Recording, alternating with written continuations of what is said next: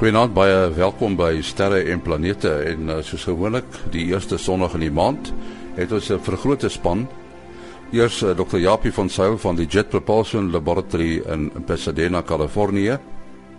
Willie Koorts van die Suid-Afrikaanse Astronomiese Observatorium en dan professor Mati Hofman van die Universiteit van die Vrystaat en die Boyden Sterrewag asook die digitale planetarium.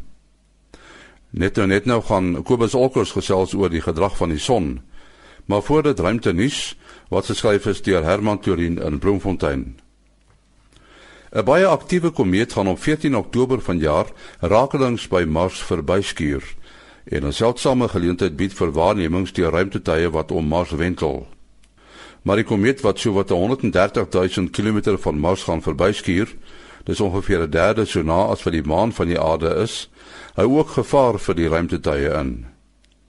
Die komeet Siding Spring stuur bykans kop aan kop op Mars af.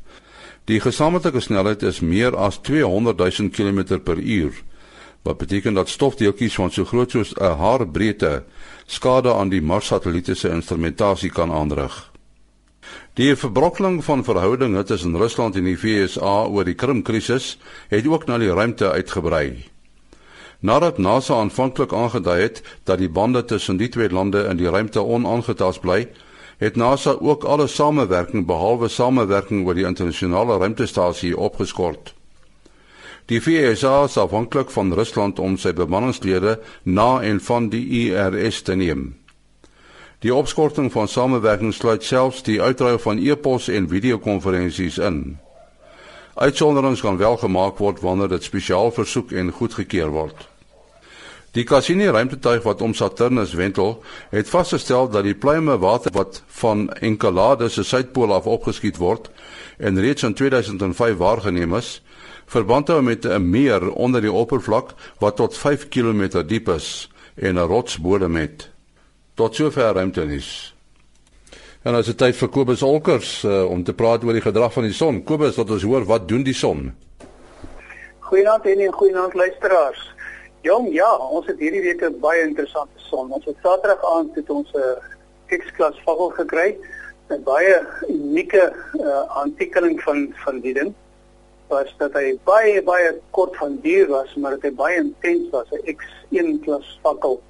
En hy het sommer gekom van 'n van 'n ehm 'n aktiewe area wat ons glad nie verwag het dat hy gaan uitbars nie, maar hy het binne 'n kwessie van 6 ure ontwikkel van van mors dood na na baie aktief toe en hy het net daarna weer net so dood gegaan. Hy sit op hy sit hierdie stadium al reeds oor die oor die rand van die son.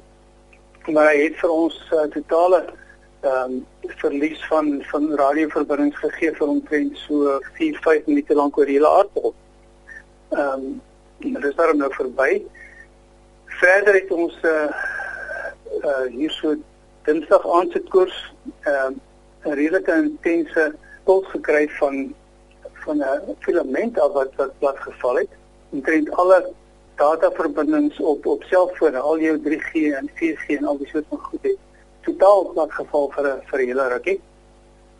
Uh, dan het ons verder twee uh nog twee uh baie aktiewe areas wat besig is om te ontwikkel. Uh ons nuutste nommertjie is nommer 2021 en hy sit daar met twee noordpol en noordpool wat tussen twee suidpole vasgedruk word op die son.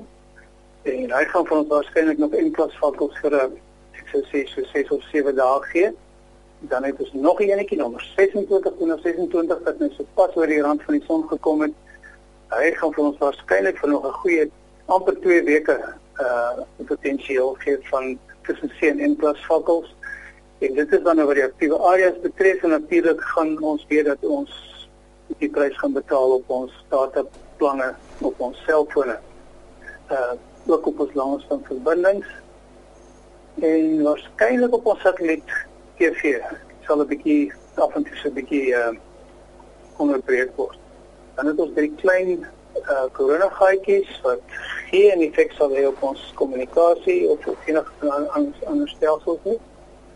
En dan laastens is daar een baie goed gedefinieerde klein filament wat vir my lyk asof hy binne die volgende dag of twee vir ons gaan probeer gee. Ons kan maar weet as ons is iets skielik ophou werk so ons skep besig sê dan sal dit hy wees maar dit sal nie vir 'n baie lank tyd wees nie want dit is 'n baie klein intensie enetjie. En dit is ons storie vir die week. Wat sê Kobus jy besonderhede? Ja, nou is ons weer terug. Uh ek praat nou vir die laaste keer hier van Suid-Afrikaanse Bodemag. Uh vanaf moet mense my maar weer kontak op uh, Kobus Olkers by gmail.com. Dit is Kobus Olkers by gmail.com. Ja, ons hartlike dank aan Kobus Olkers wat vir ons die son dop hou. Hallo Japie. Goeienaand almal. Mati, goeienaand. Dan Denny. Hallo Willie. Goeienaand. Japie, uh, as ons met jou mag begin en ek dink uh, as ons uh, met Japie van sy praat, is dit nou maar Mars wat in die weer is. Uh hierdie komeet wat so naby verbygaan skuur later in die jaar, bekommer dit julle? Ja nee, dit bekommer ons nogal heel wat. Ehm um, uh ons probeer nou hier ehm uh, planne beraam om te sien hoe kan ons uh die beste doen om die satelliete soveel as moontlik te beskerm teen die uh teen die komeet se deeltjies wat daar deur Mars sal trek. Nou hoe gaan hoe gaan 'n mens so iets doen? Hoe gaan 'n mens so 'n voertuig of 'n satelliet beskerm? Man, daar's baie baie maniere. Byvoorbeeld, jy weet met dit gebeur met die aarde ook so nou en dan uh, uh, na, natuurlik net so terloops uh dat ons deur die sogenaamde meteor showers hier in November en so aan deur gaan. En en wat ons doen tipies as daar redelike digtheid van van partikels sal wees, dan draai ons die satelliete sodat hulle die kleinste oppervlakte in die in die rigting wys waar die deeltjies vanaf sal kom. Met ander woorde, jy probeer maar soos 'n mens teen die wind vir jou so skraal maak, uh sodat jy net so klein deeltjie vir die wind wys, jy dwars draai. So ons probeer die sonpanele byvoorbeeld draai sodat hulle plat lê in die uh, sodat hulle nie die, die groot oppervlakte wys vir die deeltjies wat aankom en so voort. Maar daar's ook net wat net soveel wat 'n mens kan doen natuurlik. Ja, uh, en nie wat uh, wat ek nou graag wil weet, uh ja, ek het gelees dat dit uh, baie unieke geleentheid ook kan wees om nou die so komeet van naderby af uh te bestudeer en te kyk hoe is die interaksie met Mars. Nou sal dit moontlik wees om nou so half die die beste van twee wêrelde te hê, die uh ruimtetuig te beskerm en dan ook goeie waarnemings te kry terwyl die komeet so naby as moontlik is of uh, moet hulle maar eerder agter Mars gaan wegkruip? Uh, wel sou dit ja. byvoorbeeld ook moontlik wees om agter Mars te gaan wegkruip in 'n teenoorgestelde rigting van die komeet op die regte tyd? Ja en nee, natuurlik 'n mens kan um, aan die ander kant van Mars jou satelliete probeer kry, maar die probleem is dat hulle vat uh, net ongeveer so 'n uur en 'n half om om om Mars te wentel. So jy kan 'n gedeelte van die tyd agter Mars wees en dis natuurlik 'n goeie ding jy bring 'n interessante punt op maar maar dit is natuurlik uh die die tipiese ehm um, wat noem man die, die tipiese uh toutrekkery wat ons hier sien die die uh, wetenskaplikes is natuurlik almal baie opgewonde oor hierdie oor hierdie waarskynlikheid dat ons nou die komeet so van nader kan bestudeer. Uh terwyl die die ingenieurs almal is natuurlik vrek bang dat ons die, die satelliet sal verloor. So so mense met nou daai toutrekkery moet jy altyd maar probeer. Maar wat ons gaan doen is natuurlik is is om te probeer om die beste van die twee wêrelde te kry. Hmm. Soveel as moontlik waarnemings te doen en sonder om die satelliete um onnodiglik sal ek sê aan gevaar bloot te stel. Ja, ja, ja. Ja, Japie, ek wil net vra, jy het gesê dat Die satelliete vat so 1 en 'n half uh, uur om eenmal om Mars te gaan. Dit is so rofweg 90 minute. Dis wel nog weer dieselfde as wat byvoorbeeld die internasionale ruimtestasie hier uh, vat, maar die aarde is natuurlik nou veel groter as Mars. Die spoed van die internasionale ruimtestasie is 27000 km/h rofweg. Die spoed van die satelliete om Mars, wat is dit want daar's mos nou 'n ander soort gravitasiefaktor. Uh ja, dit hang natuurlik af hoe soos jy sê, dit hang af van die die gravitasie van die van die uh planeet waarom jy gaan. Um ek sou sê uh om my waar sê ek kan vir die presiese getalle sê uh om om Mars trek die satelliete stadiger as om die aarde. Ek sal nou 'n bietjie moet dink vinnig om om die hoeveelheid uit te werk. Uh maar uh hulle hulle vat 'n heel wat stadiger om om om Mars te trek as wat hulle om die aarde trek. Ja, want as as as ek nou as ek nou dink aan die uh, Mars is so baie rofweg die helfte so groot soos die Aarde. So die ontsnapsnelheid van Mars en natuurlik die digtheid van die planeet gaan bykom sodat uh, ja, die ontsnapsnelheid gaan heelwat minder wees en dit gemaak sin wat jy nou sê dat hulle dan stadiger beweeg, né? Nee ek behoort hierdie getalle te weet want dit is deel van my klas by Caltech maar maar die die spoed van die satelliete om Mars om die aarde is dit ongeveer so 7 tot tussen 7 en 8 km uh, per sekonde afhangende van hoe hoe hoog die satelliet vlieg. Hoe laer hy vlieg, hoe vinniger vlieg hy. Om Mars is dit ongeveer tussen 3 en 3.5 as ek onthou. So as jy so tussen 2 200 km en 1000 km bo die oppervlakte vlieg. So dis ongeveer die helfte van die spoed wat wat uh nou Mars is natuurlik kleiner, so jy vlieg stadiger, maar dit omdat die baan waarin jy trek kleiner, die sirkel sal ek maar sê is kleiner, so dit vat nie soveel langer om om Mars te gaan as dit mense sou dink. Die uh en nie te, terwyl hulle nou van die spoed praat, ek hier op die aarde weet ons nou dat baie van die meteoorstorms as mens nou vroegoggend kyk en uh die aarde beweeg in die meteore stroom in dan praat hulle van tipiese uh, snelhede van 50 km per sekonde wat natuurlik dan nou baie groter is as die as die spoed van die ruimtetye. Nou in die geval van die Mars stelsel wat nou uh, in 'n bepaalde rigting nou om die son beweeg uh, en ek het verstaan die komeet kom uit 'n teenoorgestelde rigting uit. So die die die relatiewe spoed tussen nou sê nou maar die uh, deeltjies uh, stofdeeltjies of watse deeltjies nou ook al deur die komeet uitgespuit kan word uh, of afgewerp kan word, wat sal die relatiewe spoed van daardie deeltjies dan nou relatief tot die ruimtetye en Mars wees? Gaan dit vergelykbaar wees met wat ons van die meteore hier op aarde kan sê of praat ons van groter snelhede? Uh dit sal ongeveer dieselfde wees want die die snelhede word word uh, uh, eintlik bepaal deur die spoed van die uh, komeet soos hy trek relatief tot die tot die son en dan die planeet in hierdie geval Mars hoe vinnig hy om die son trek. So die die die ehm um, die spoed van die partikels relatief tot Mars sal min of meer dieselfde wees as wat ons kry. So dit is in die omgewing van so 50 km per sekonde of so. Die uh, afstand van Mars van die aarde af, die wissel mos nou deur die loop van die uh, die wentelbaan. Uh wanneer hierdie komeet nou daar aankom, hoe ver gaan Mars van die aarde af wees? Gits sê nie ek is nie heeltemal seker daar op daai getal nie. Ek sal moet dit dit loop opkyk en uh, ja. voor dit sê. Maar maar skep dit ja, probleme met die groter afstand. Nie eintlik vir ons nie.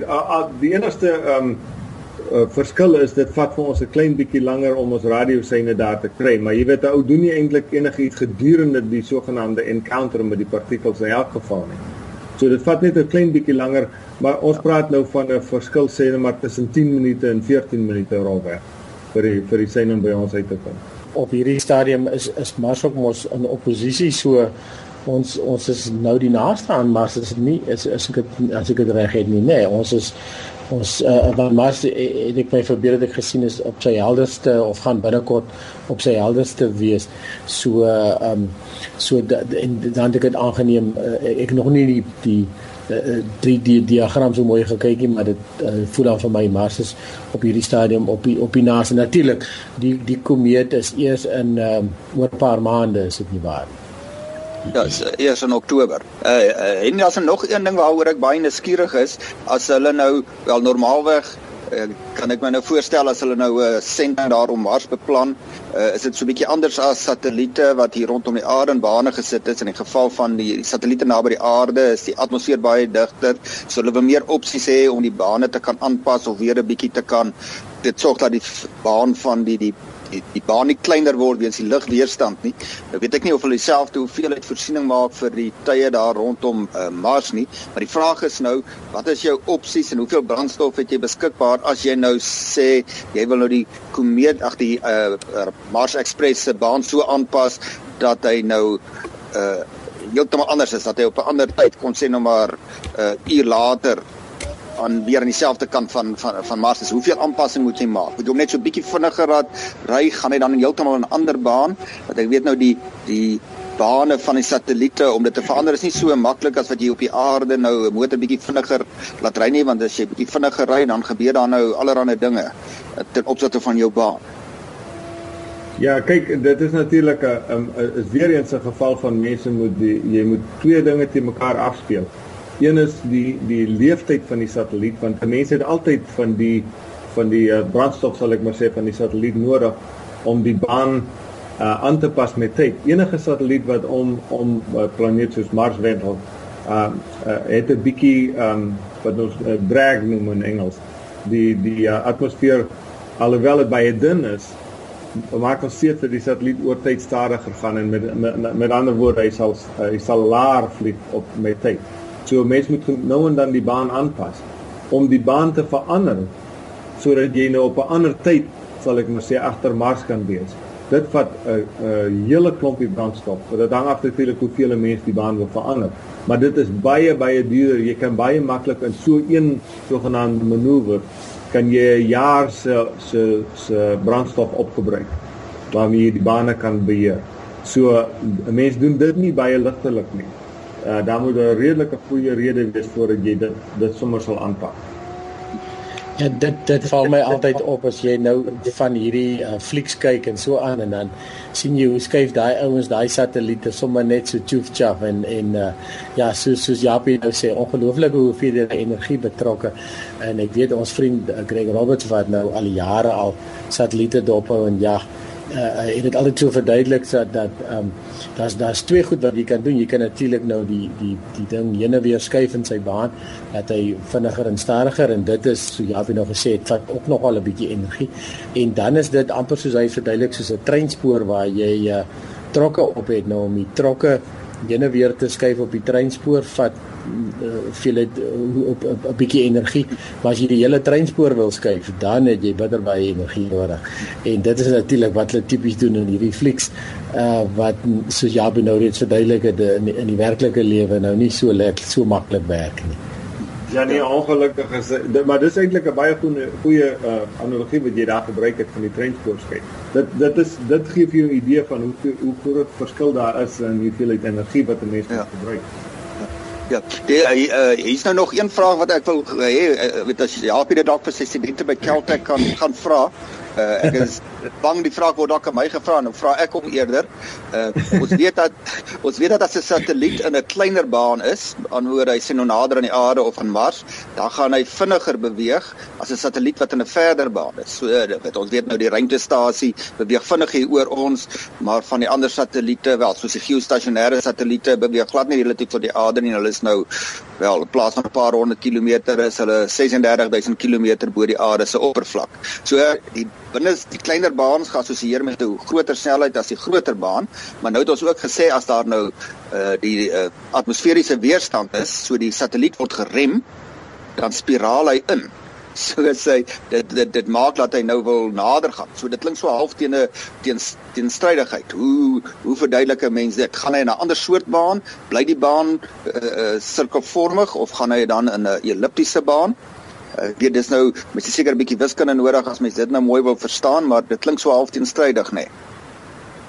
Ja, uh, om vir om vir die um, luisteraars 'n idee te gee. Toe ons in, in die jaar 2000 het ons is um, 'n eksperiment op die Space Shuttle gehad wat ons hier aarde gekarteer het. Mense sal dalk nog dit onthou. Uh die Space Shuttle het op 234 km um hoogte gevlieg. En op daai hoogte rem die atmosfeer die Space Shuttle soveel dat hy ongeveer 'n kilometer per dag afkom. So jy moet elke dag moet ons brandstof gebruik om weer die Space Shuttle 'n kilometer hoër op te skuif. En wat gebeur is ehm uh, kyk, 'n satelliet bly in sy baan omdat daar twee kragte net mooi in uh, mekaar uitkanselleer. Die een is die sogenaamde ehm um, Corioliskrag wat wat uh, omdat jy uh, in 'n baan vlieg, probeer jy wegvlieg. Dis soos wanneer mense gewig aan 'n tou swaai. Dan dan is die tou skielik reguit, maar dis omdat die gewig probeer van jou af wegvlieg.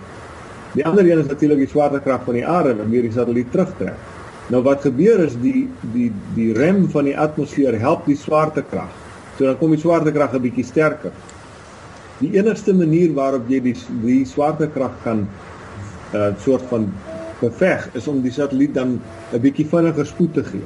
So dis wat 'n mens elke dag moet doen en afhangende van hoe hoog jy vlieg elke dag of soms uh, jy weet jy hoor vlieg net so een keer 'n maand of een keer elke paar maande, moet jy die satelliet so bietjie versnel.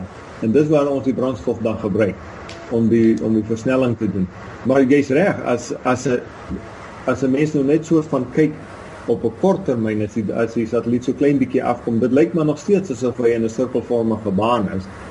Die baan is maar net 'n bietjie laag, maar die gevolg is as jy nou byvoorbeeld soos ons in 2000 die aarde wou karteer, dan sou jy die sal ek maar sê die spore van die satelliet 'n sekere afstand uitmekaar uit gehad het op 234 km.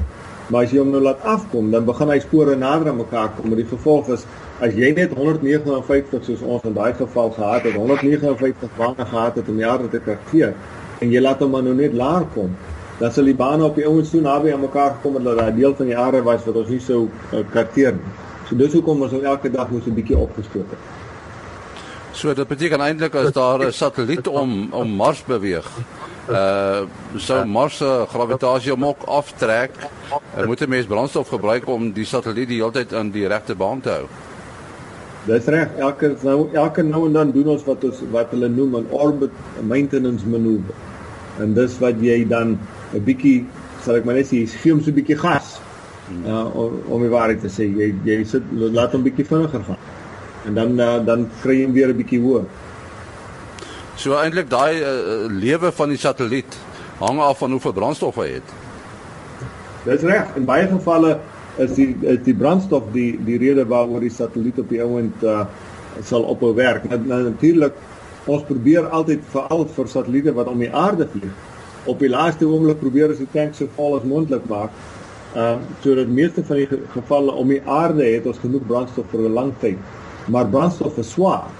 Sodat as jy na ander planete toe vlieg, dan is ons uh, het ons baie uh beperk in hoeveel brandstof ons kan saamvat. So baie baie kere is dit in in in die brandstof wat opraak en dan kan ons nie die die baan uh, so goed beheer meer nie. Terwyl jy praat van ehm um, die manoeuvres wat satelliete uitvoer, die ander uh, is natuurlik die, die sogenaamde station keeping of of dat die satelliet homself heeltyd moet oriënteer laat die antennes okay. na die aarde toe wys en die kameras grond toe of hoe jy, hoe jy hom ook al uh, uh, uh, uh, die die die uh, sending is. Ehm um, so in daai gevalle gebruik jy natuurlik baie maar reaksiewiele en sulke klas van goed as jy sal daar nie uh, ek weet ek weet jy kan selfs net saamgeperste lig gebruik of jy kan brandstof self gebruik. Maar dit is dit is weer eens duur. So as jy jou energie uiteindelik van die son af gekry het om wat jou batterye wat die reaksiewiele en en uh, giroskope uh, is is dit maar die normale manier hoe jy jou jou station keeping doen. Ja, maar natuurlik ons werk aan uh, uh jy jy jy het nou sonpanele genoem. Uh ons werk hier aan sogenaamde uh um, engines wat um, partikels gebruik wat um, sogenaamde solar electric propulsion wat die elektriese partikeltjies gebruik is is basies uh uh partikels wat 'n uh, uh elektriese lading het en dan kan jy hulle versnel. En dit kan jy ook dan as 'n brandstof gebruik. So byvoorbeeld die luisteraars mag weet van uh, die sogenaamde Dawn um missie wat ons gestuur het na eers na Vesta toe wat een van die grootste die tweede grootste um asteroïde in die, in die sogenaamde main belt is.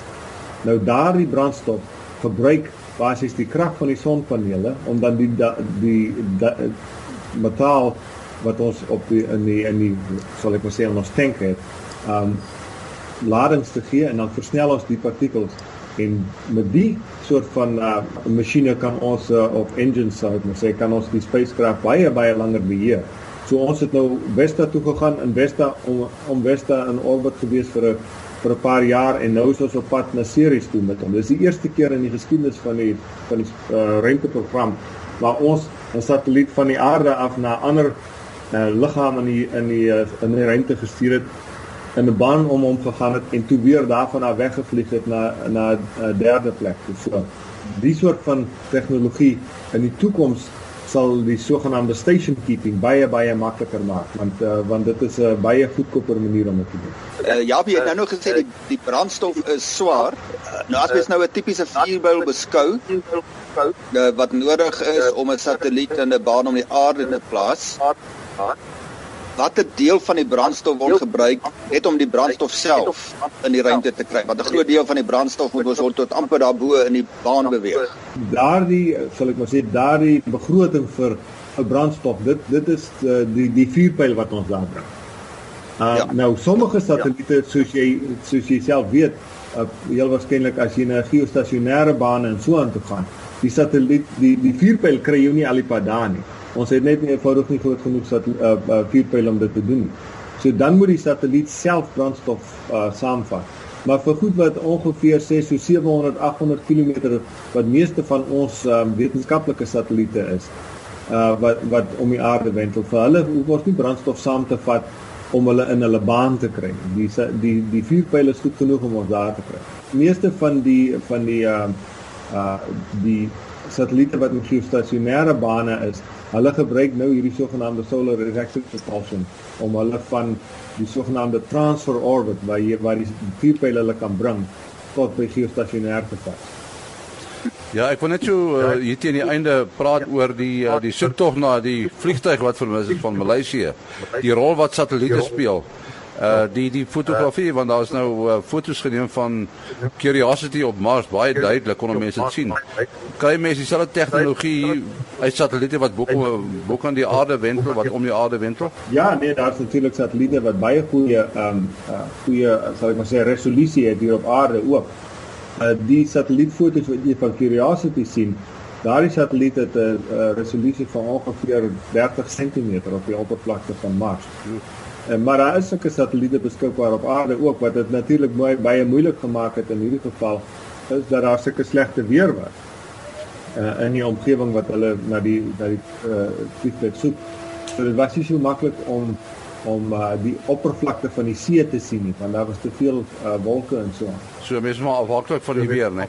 Ongelukkig, tensy jy natuurlik uh, radar gebruik en uh, maar radars het nie so 'n goeie resolusie oor die algemeen soos wat hierdie um, fotografiese satelliete. Het. As ek dit reg het, kry jy die dieselfde uh, uh, wat jy eintlik van die aarde af moet opkyk na die hemel kry met die teenoorgestelde ook. En uh, soos Rabbi nou gesê die wolke belemmer ook daardie.